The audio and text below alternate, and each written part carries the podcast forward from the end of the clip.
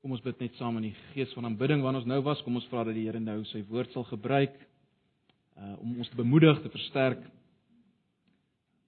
aan te vuur, te verander. Kom ons bid net saam. Ag Here, baie dankie dat ons U kon grootmaak in hierdie oomblikke as die grootte God die een wat regeer al mag dit soms vir ons lyk asof dit nie so is nie, kan ons dit vat deur die geloof dat U regeer, U is God.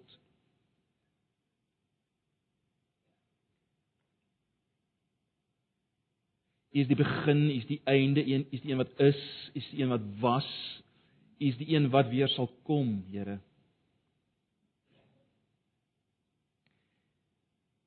Alles word deur U in stand gehou, Here Jesus, ons weet dit nie net dit alles deur u ontstaan nie, maar volgens Kolossense 1 en hou u alles in stand.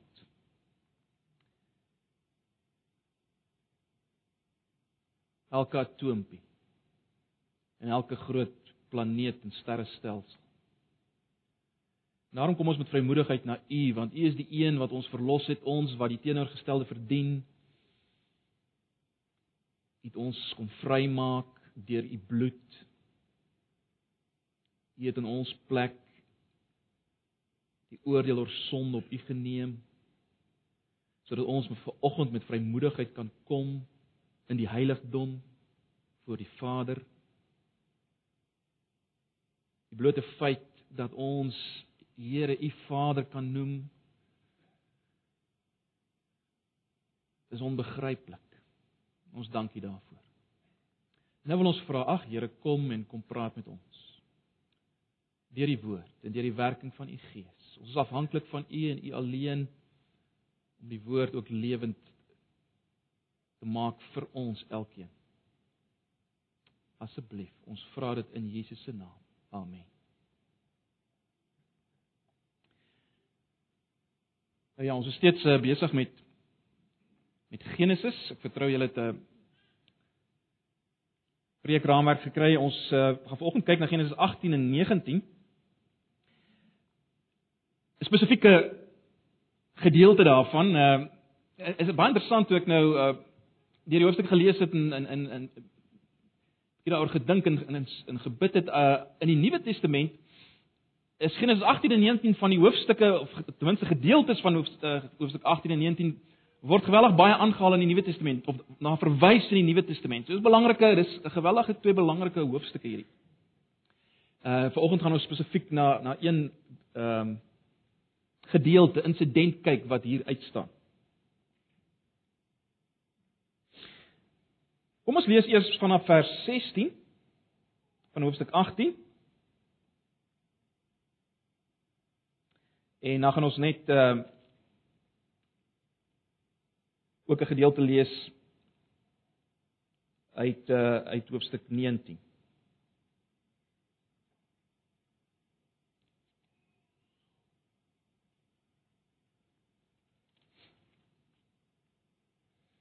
Kom ons lees vanaf vers 16. Ek sal net nou 'n bietjie uh, meer sê oor die hele konteks. Genesis 18 vanaf vers 16. Toe die mans opstaan om te vertrek, het Abraham en Entjie saam met hulle gestap. Die mans het afgekyk in die rigting van Sodom. En toe dink die Here, sal ek vir Abraham wegsteek wat ek wil doen? Abraham sal tog 'n groot en sterk nasie word en in hom sal al die nasies van die aarde geseën word. Ek het hom gekies dat hy sy kinders en sy nageslag kan beveel om op my pad te bly deur te doen wat goed en reg is, sodat ek vir Abraham kan doen wat ek hom beloof het. Toe sê die Here die geroep teen Sodom en Gomorra is hard.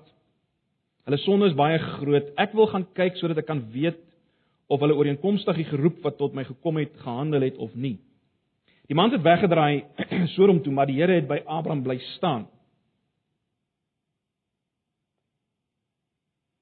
Vers 23 Abraham het toe nader gekom na die Here toe en gevra: "Sal U die regverdiges saam met die goddeloses vernietig? Miskien is daar 50 regverdiges in die stad, sal U die plek werklik vernietig? Sal U dit nie spaar oor 50 regverdiges nie? U sal tog nie so iets doen en die regverdiges saam met die goddeloses om die lewe bring nie? U sal tog nie die regverdiges soos die goddeloses behandel nie? Sal die regter van die hele aarde dan nie reg laat geskied nie?" Toe sê die Here as ek 50 regverdiges in Sodom kry, sal ek die hele plek spaar oor hulle. Abraham het gesê ek is maar net so maar net stof en as en tog het ek gewaag om met die Here te praat. Sê nou die regverdiges is 5 minder as 50, sal hy die hele stad vir 5 verdelg? Hierop antwoord die Here ek sal dit nie verdelg as ek 45 daar kry nie. Toe praat Abraham weer met die Here. Miskien sal daar 40 gevind word en die Here sê ook oor 40 sal ek dit nie doen nie. Abraham sê toe moet tog nie kwaad word as ek nog 'n keer praat nie, Here. Miskien sal daar 30 te kry wees en die Here sê ek sal dit nie doen nie. Ek sal dit nie doen as ek 30 daar kry nie. Maar Abraham sê ek bly waag om met die Here te praat. Miskien word daar 20 gekry en die Here sê oor 20 sal ek dit nie verdelg nie. Toe sê Abraham moet tog nie kwaad word nie, Here. Ek wil nog net een keer praat. Miskien word daar 10 gekry en die Here sê ook oor 10 sal ek dit nie verdelg nie. Toe die Here klaar met Abraham gepraat het, het hy weggegaan en Abraham het na sy plek toe teruggegaan. Hoofstuk 19, kom ons lees hoofstuk 19. Uh vanaf vers 27 net. Hoofstuk 19 van Genesis vanaf vers 27.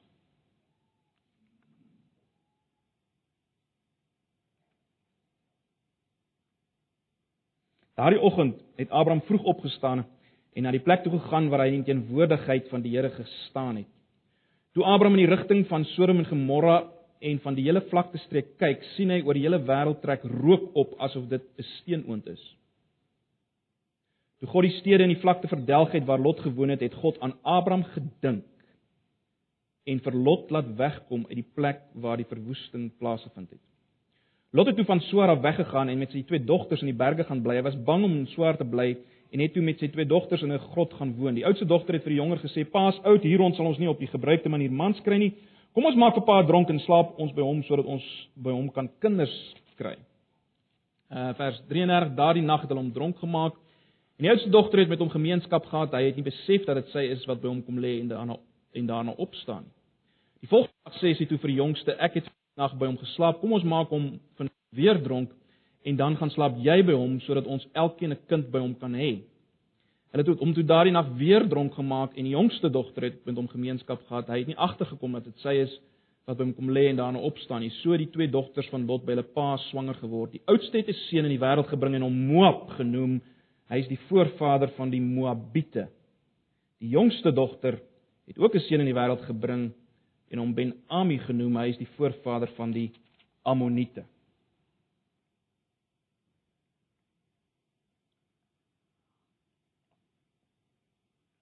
Net so ver.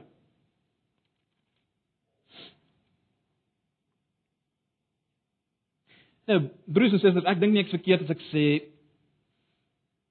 die meeste van ons wat hier sit het al geworstel met die vraag: het my gebede enige impak? Maak dit sin om te bid? En en ek praat spesifiek nou van van voorbidding, van voorbidding praat spesifiek van voorbereiding. Mors ek nie eintlik my tyd nie. Mors ek nie eintlik my tyd as ek werklik bid vir die wêreld, vir sekere mense se redding, met ander woorde as ek besig is met voorbereiding nie. Mors ek nie my tyd nie. Kyk, uh as dit baie duidelik is dat 'n gebed beantwoord is, dan kan 'n mens sê dit was sinvol om te bid. Ek ek het nie my tyd gemors nie, die gebed het uitgekom. Ek het gebid en die Here het geantwoord. Maar dit is net so dat daar baie baie baie gebede is waarvan ons nooit weet of daar enige iets van gekom het. Of nog erger. Of nog erger. Daar sekerre gebede waar dit baie duidelik is dat dit nie beantwoord is die manier waarvoor ons gebid het ten minste. Byvoorbeeld. Uh, jy bid vir 'n sekere persoon se redding. En daardie persoon sterf baie duidelik in 'n toestand van ongeloof, rebellie teen God. En my vraag is dan, wel was my gebede nie maar 'n vermorsing van tyd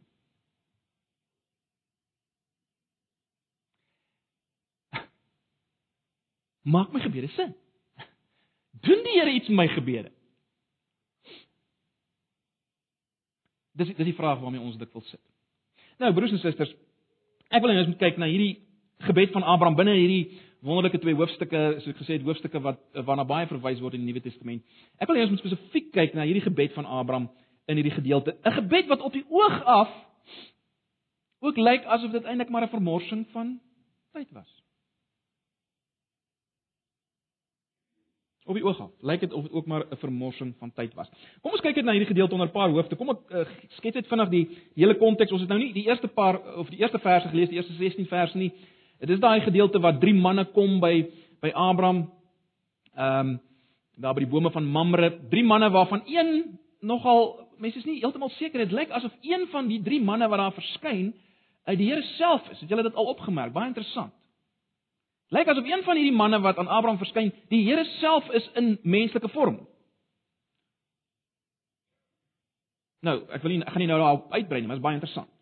Hoe dit ook al sê, hierdie manne verskyn aan Abraham en en en dan's Abraham baie gasvry. Interessant ook 'n gedeelte wat aangehaal word in Hebreërs, Abraham se gasvryheid hier word na verwys. Die feit dat hy eintlik engele ge, gehuisves het. Abraham is baie gasvry. Uh en dan sê die manne vir, vir hom sy vrou, volgende jaar hierdie tyd gaan Sara 'n kind hê. En dan lag Sara daaroor. Hoe op aarde gaan ek nou my ouderdom uh weer 'n kind hê? En dan is daar 'n baie betekenisvolle uitspraak in vers 14. Uh die Here vra in vers 13 vir vir Abraham. En soos ek sê dit lyk asof die Here een van hierdie drie manne is wat verskyn het. Die Here vra aan Abraham, uh Hoekom lag Sara? Vers 14 is iets te buitengewoon vir die Here, dis die 1983 vertaling. Uh die 83 vertaling of die 53 vertaling sê sou iets vir die Here te wonderbaar wees.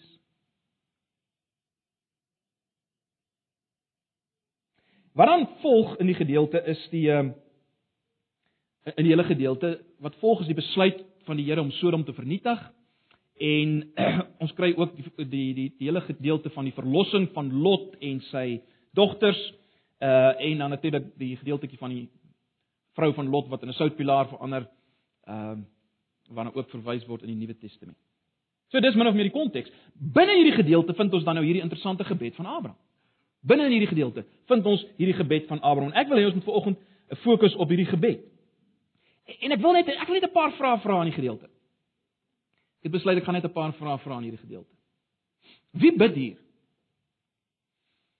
Kom ons dink vir 'n oomblik wie bid hier? Nou ons het dit nou gesien oor die afgelope paar sondae en veral verlede Sondag. Die die man wat hier bid is Abraham. Uh wat eers Abram was. Hy's nou Abraham. Hy was 'n afgodsdienaar uit Ur. God kom en God roep hom tot 'n verbondsverhouding. Met ander woorde, tot 'n baie unieke wederwysige verhouding.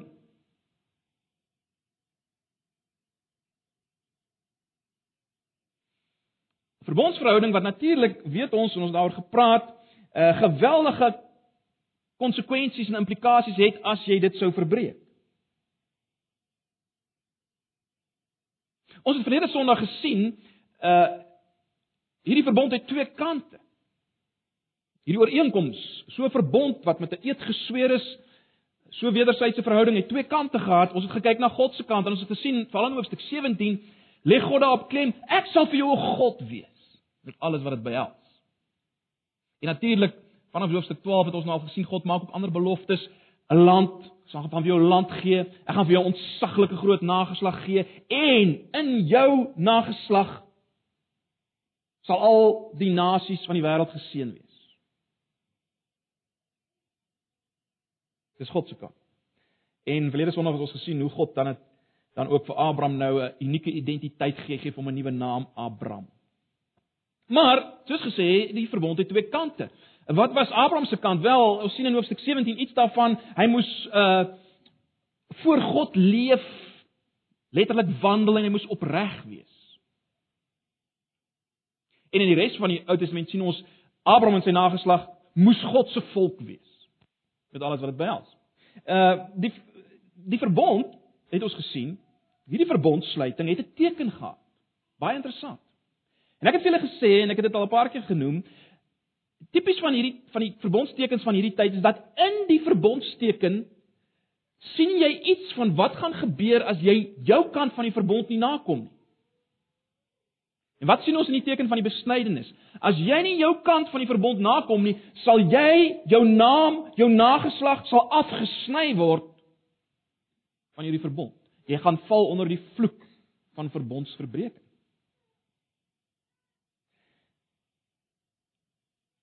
En 'n onmiddellike vraag wat mense dan vra is, maar hoe op aarde het Abraham bly leef? Hoe is dit moontlik?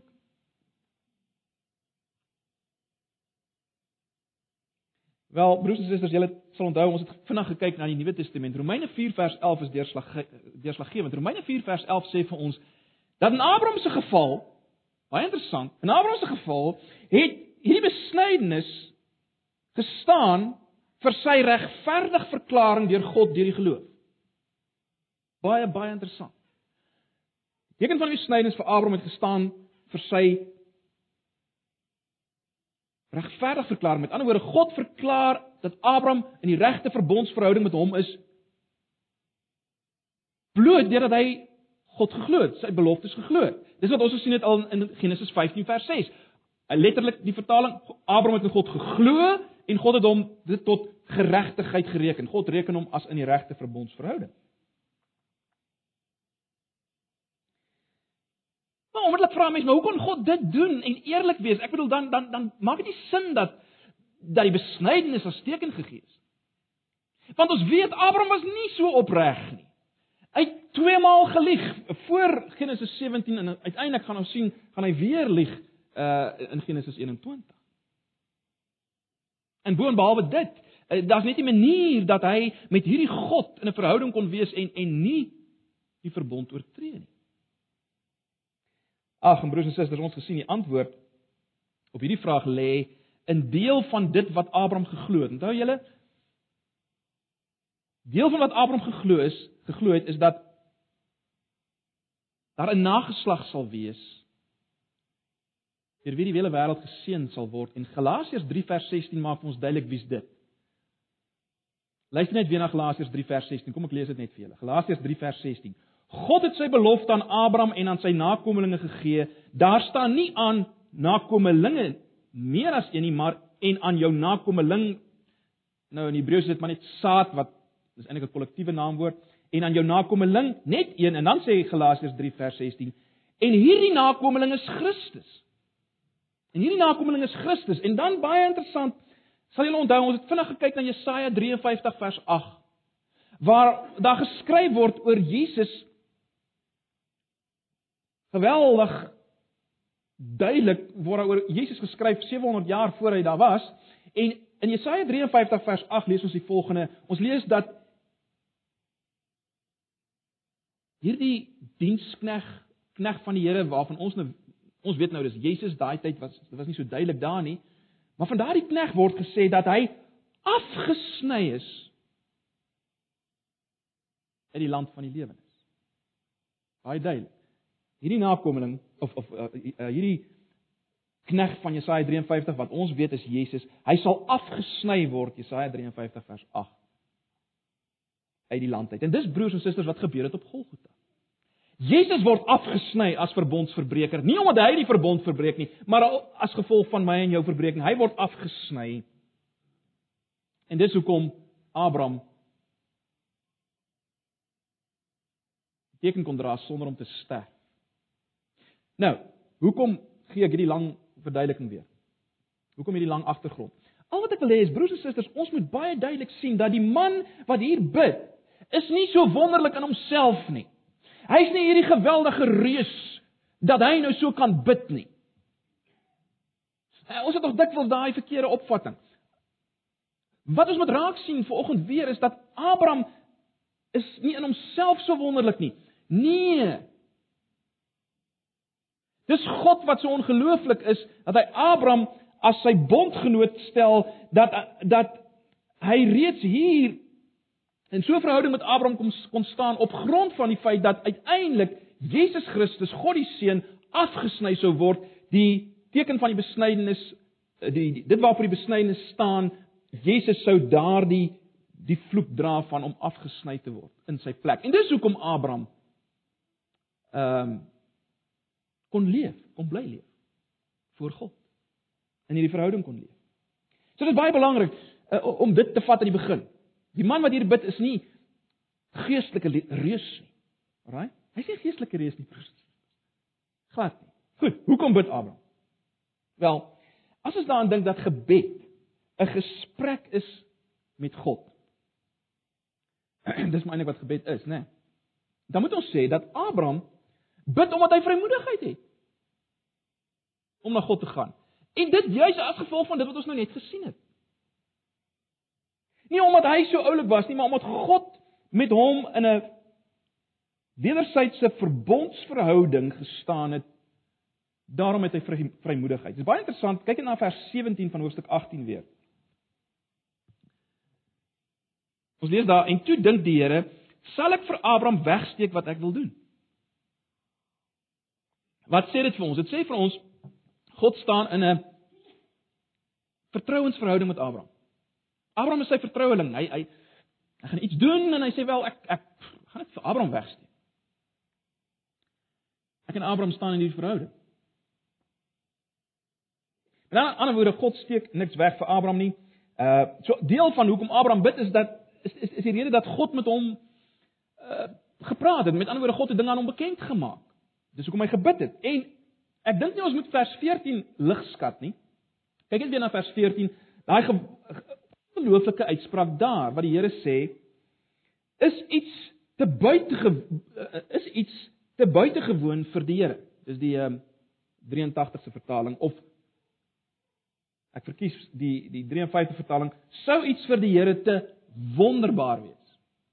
So dis wat die Here nou net vir Abraham gesê het. So ons kan sê Abraham het ook hierdie woord van die Here gehad. Abraham het hierdie woord van die Here gehad. Sou iets vir die Here te wonderbaar wees. Hy het hierdie woord gehad. En uh dit alles veroorsaak dat Abraham nou met vrymoedigheid na die Here toe gaan. Hy het hierdie woord gehad van die Here. Hy's hy's die Here is uh, is hy's die Here se vertroueling. Die Here maak aan hom dinge bekend en dis hoekom hy bid. Nou kom ons by die volgende vraag: Hoe bid Abraham? Hoe bid Abraham? Ons nou gesien hoekom hy bid. Hoe bid Abraham?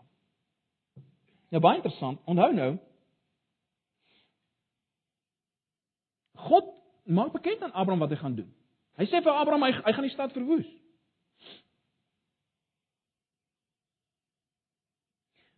En wat ek wil julle moet oplet is dit. Let op, Abraham aanvaar dit nie sommer nie. Julle het dit gesien? Abraham aanvaar dit nie sommer nie. Met ander woorde, hy sê nie by wyse van spreuke, ja, Here, dit is uh, ek stem saam, dis 'n goeie plan, gaan voor daarmee nie. Nee. Abraham gaan as te ware in 'n argument met die Here. Hoekom doen hy dit? Hoekom kan hy dit doen? Broers en susters, omdat hy 'n bondgenoot van die Here is. Hy staan in 'n wederwysige verhouding met die Here. Daarom gaan hy in 'n argument met die Here. Baie belangrik om te sien.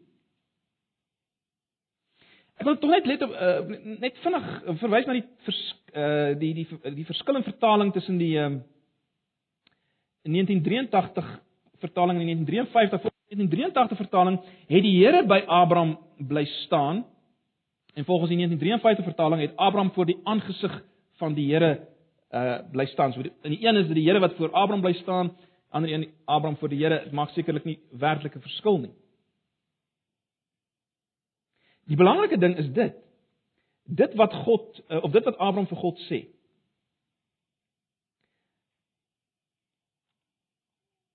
Hy sê vir die Here, "Sal U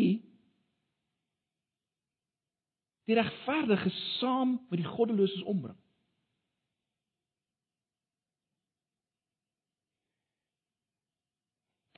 Dis asof hy sê maar Here, dis tog nie soos U is nie. Dit dis nie dis nie soos ek U leer ken het nie. Dis nie soos U teenoor my was.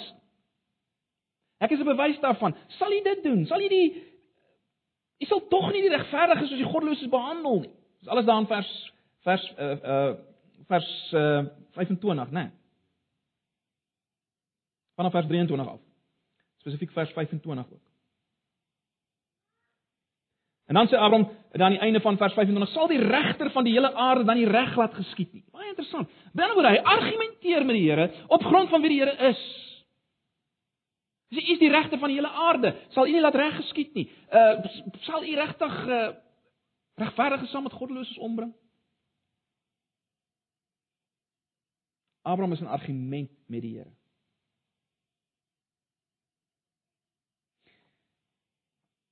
En ons het die gebed gelees, ons gesien uiteindelik Abraham hou aan totdat hy en God by wyse van spreuke as mens dit so kan stel 'n ooreenkoms bereik dat as daar 10 regverdiges in Sodom sou wees, dan sou God nie die stad vernietig nie.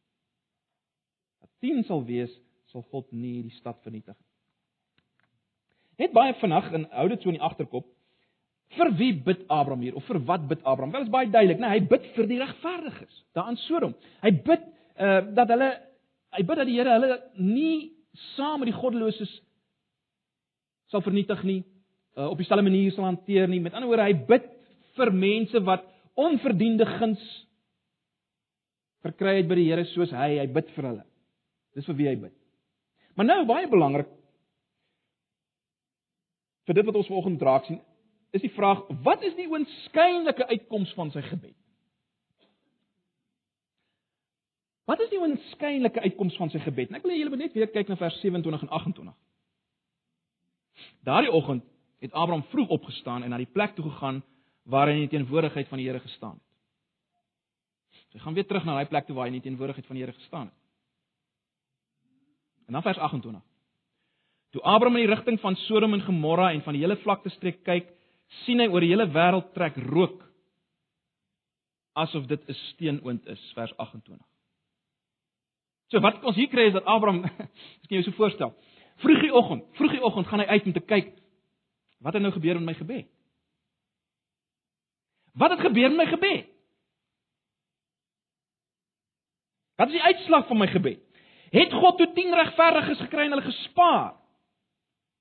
En broers en susters, wat Ab let op my woorde. Wat Abraham sien, lei onvermydelik tot die konklusie God het nie 10 regverdiges gevind nie, punt nommer 1. En as God enigsins regverdiges gevind het, wel, hy het hulle nie gespaar nie, want daar trek hy rook. Sodom is vernietig. Daar's geen twyfel aantrent nie. So dis wat Abraham gesien het. Klaar, dis wat hy gesien het. Met, met ander woorde, om dit baie kort te stel, broers en susters, Abraham se gebed het nie uitgedraai. Soos hy gehoop het dit sou uitdraai, né? Nee. Baie duidelik het Abraham se gebed nie uitgedraai soos hy wou gehad het dit moet uitdraai nie. Nou wil ek hê ons moet kyk na wat is die Want ek het gesê wat is die onskynlike uitkoms van sy gebed en dis wat ons nou na gekyk het. Ek vra nou, wat is die werklike verrassende uitkoms van sy gebed. En dit is verrassend. Kyk na vers 29. Toe God die stede in die vlakte verdelg het waar Lot gewoon het, het God aan Abraham gedink en vir Lot laat wegkom uit die plek waar die verwoesting plaasgevind het. Dit is baie interessant om sien hier God dink aan Abraham. Nou dis 'n tipiese term wat in die Ou Testament gebruik word. God dink aan Abraham. Maar waaraan dink hy spesifiek?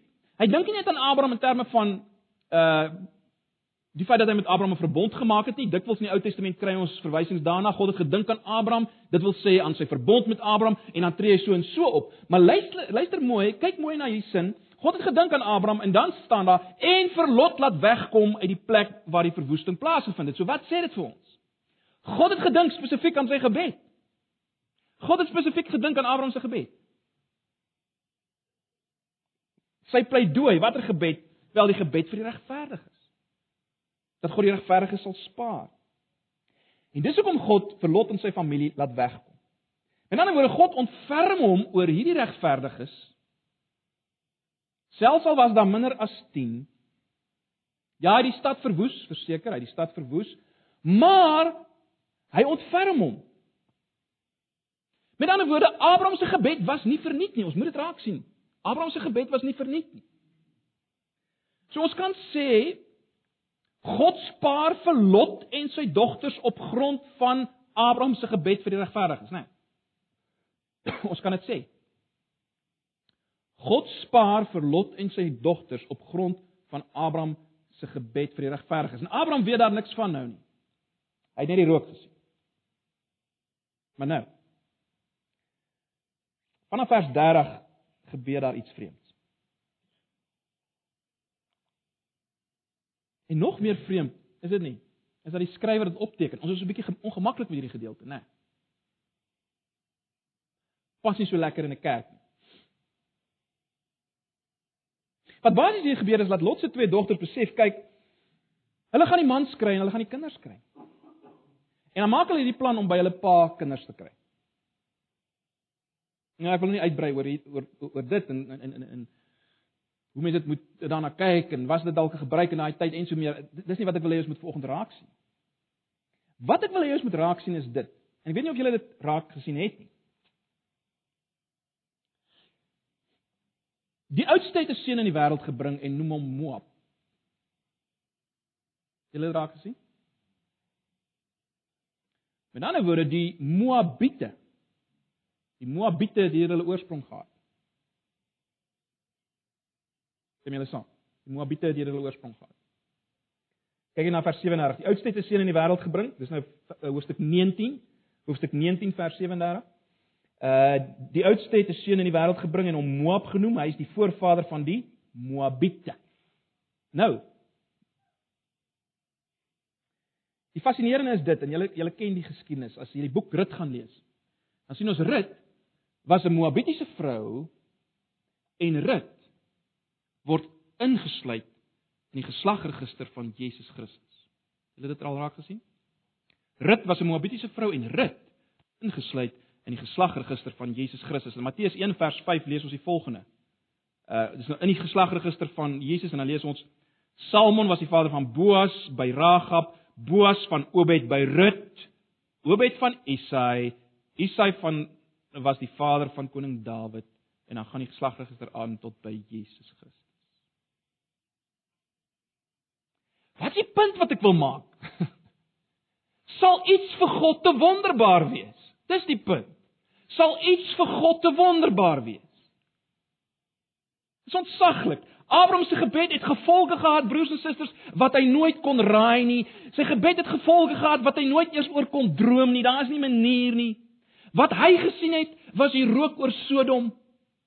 Wat gebeur het, was ontsaglik. Wat God gedoen het was ontsaglik iets totaal anders wat as wat hy gedink het en op 'n totaal ander manier. Né? Nee. As gevolg van sy gebed spaar God vir Lot en sy dogters. En uit daardie dogters word die nageslag gebore waaruit die saad van Abraham kom. Die nageslag van Abraham. Waarvan Galasiërs 3 vers 16 praat, die saad Jesus Christus. Die een in wie alle nasies geseën sou word. Hy sou voortkom uit die lyn waarin hierdie Moabiete of waar hierdie Moabiete ingeskakel is, uit hierdie lyn sou hy voortkom. En hierdie saad sou uiteindelik die oordeel van God dra sodat God regverdiges kan spaar. sodat God mense kan spaar wat onverdienstige onverdiende guns by hom gekry het in die eerste plek en wat nou as regverdiges verklaar word. Die enigste rede hoekom God regverdiges kan spaar, is as gevolg van die feit dat God se oordeel Jesus Christus getref het in hulle plek.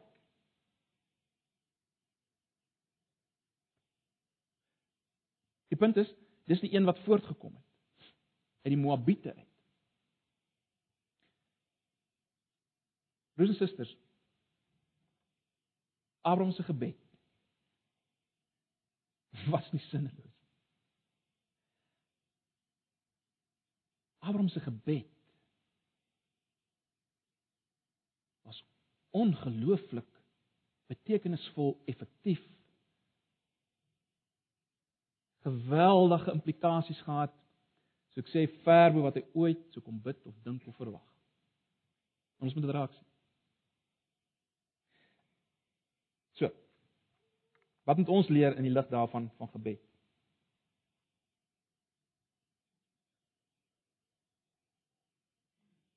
In die eerste plek moet ons bloot vir mekaar vra: is is enige gebed nutteloos? En ek wil volgens die antwoord gee: nee. As 'n besondere deel gee in Openbaring, julle sal weet ek is baie lief daarvoor Openbaring 8 vers 1 tot 5 waar ons 'n prentjie kry van uh, 'n hemelse prentjie en dan sien ons hoe die gebede van die regverdiges ehm uh, in 'n wierookbak gemeng word. Uh, uh, hoekom ek dit noem is my pragtige beeld van die feit dat gebede uh, ons gebede raak nie weg nie. God vat dit by wyse van spreuke, onthou dis beelde wat gebruik word. By wyse van spreuke vat God ons gebede en hy gooi dit daar in die wierookbak en dan is dit baie interessant uiteindelik dan vers 5 van van Openbaring 8 sien ons dan dan word hierdie wierookbak nou die gebede is nou daarin gemeng, dan word hierdie wierookbak uitgegooi op die aarde. En dan gebeur daar dinge. Dan gebeur daar dinge. Wat probeer ek sê? Broers en susters, ons gebede. En ek praat spesifiek van ons voorbiddingsgebede. gaan nie verlore nie. God gebruik dit in die uitvoering van sy raadsplan. Die waarmaking van sy verbondsbeloftes. Hy gebruik dit. Beteken dit, dis 'n tweede vraag, beteken dit dat God gebede antwoord soos ons wil? Met ander woorde, uh beteken die feit dat ons lees in vers 14 niks is vir God te wonderbaar nie? Beteken dit ons ons bid vir enige onmoontlike ding, doen voorbidding en wow, dit gebeur presies soos ons wou gehad het. Is dit wat hierdie gedeelte vir ons wil sê? Nee. Nee. Wat ek en jy sien as God se antwoord op gebed stem nie altyd ooreen met die werklikheid van sy antwoord. Om dit so te stel. Maar ons moenie op grond daarvan sê maar God is nie groot nie. Ons moenie op grond daarvan sê maar God is nie so wonderbaar nie. Nee, hy's baie groter en hy's meer wonderbaar as wat ons ooit sal dink.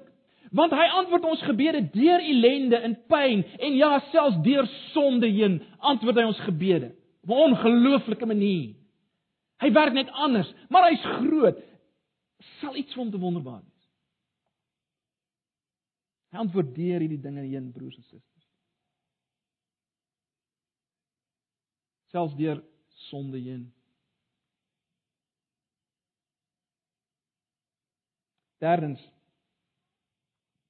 'n derde punt. Kan ek en jy so bid soos Abraham? Kan ons met vrymoedigheid na God kom en hom en met hom as te ware argumenteer? Moet ons so bid? Is dit reg? My antwoord is weer eens ja. Ja. En nog ons het al hieroor gepraat. Daar's baie voorbeelde in die hier is nie die enigste voorbeeld in die Bybel nie. Nee, ek ek gaan vinnig verwys na na een of twee. Uh Miskien moet julle blaai net na Eksodus weer. Eksodus 32. Dit is so 'n wonderlike gedeelte.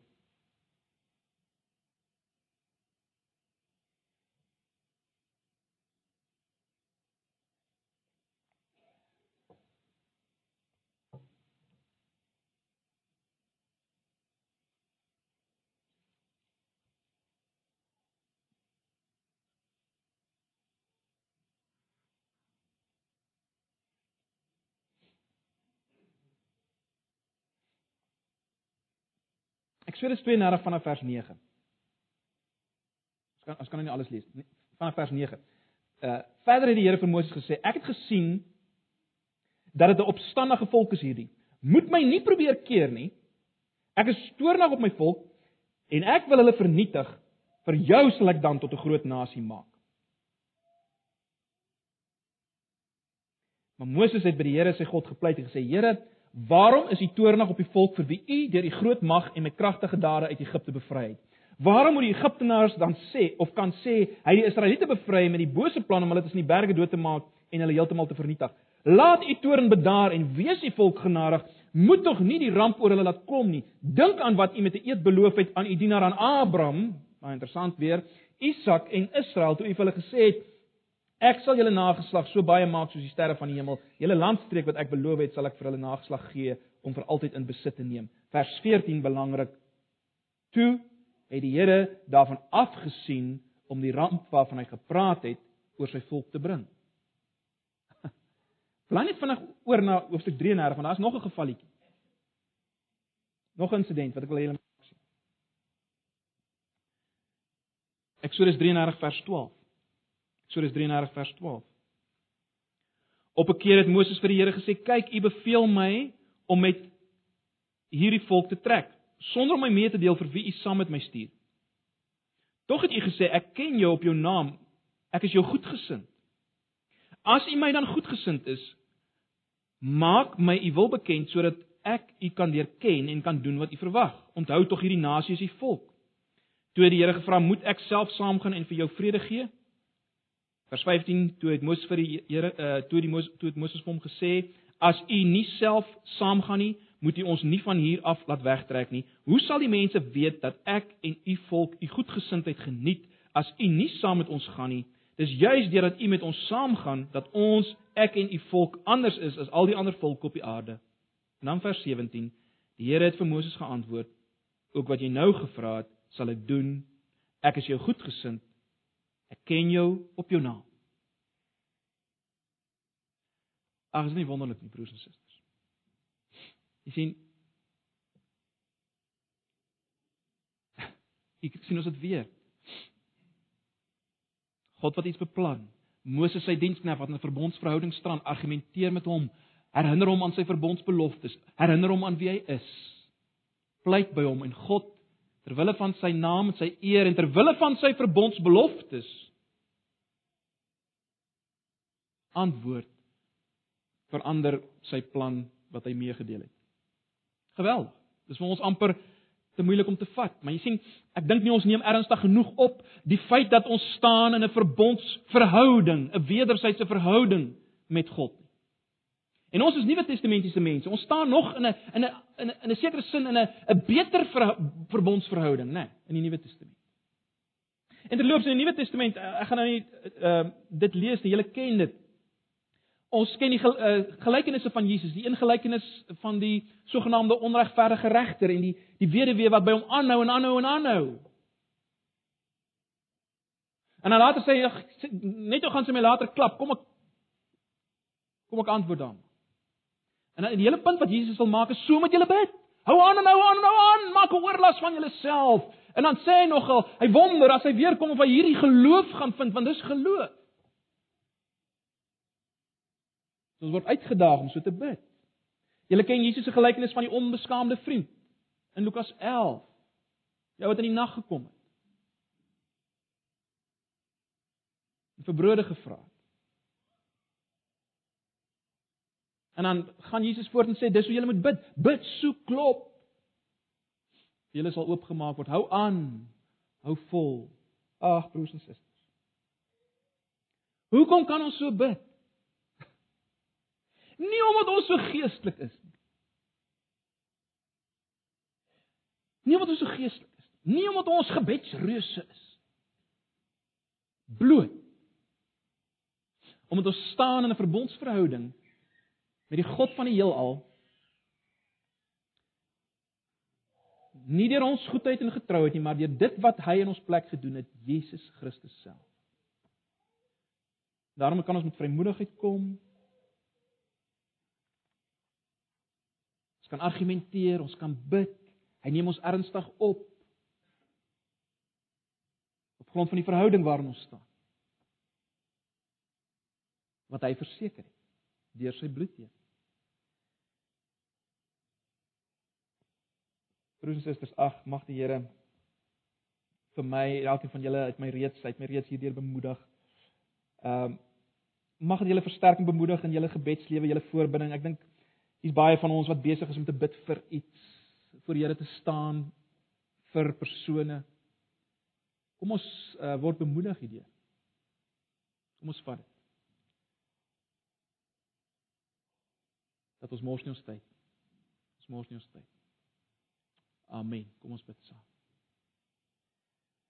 Here baie dankie vir u woord.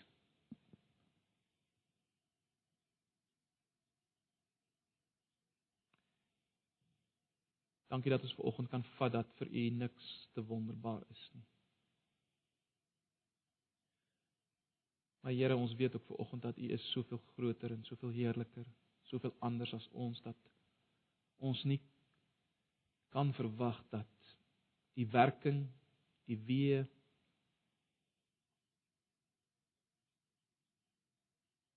moet wees soos ons dit wil hê nie. Dankie dat ons vanoggend kan weet, Here Jesus, dat nie een van ons gebede gaan verlore nie en uiteindelik skakel U dit in om al U verbondsbeloftes waar te maak. Ook die belofte dat ons uiteindelik op 'n nuwe hemel in 'n op 'n nuwe aarde sal wees, nuwe hemel en nuwe aarde sal wees saam met U. Ons dink aan Openbaring 21 vers 3 waar ons sien dat U weer ons God sal wees en ons sal U volk wees. Dink daaraan Ja, al ons gebede word ingeskakel, weet ons by die waarmaking daarvan, Here. Uiteindelik sal ons vir ewig en altyd in hierdie verhouding, verbondsverhouding met U leef op 'n nuwe aarde en ons eer U daarvoor. Help ons om dit te vat deur die geloof dat ons gebede hierby ingeskakel word. Asseblief, Here. Nou wil ons vra Here as ons in hierdie vakansietyd ook uitmekaar uitgaan en baie van ons weggaan. Ons wil vra dat U ons sal bewaar. Ons wil vra dat U ons sal bewaar van die bose. Ons wil vra dat U ons sal bewaar van ongeloof.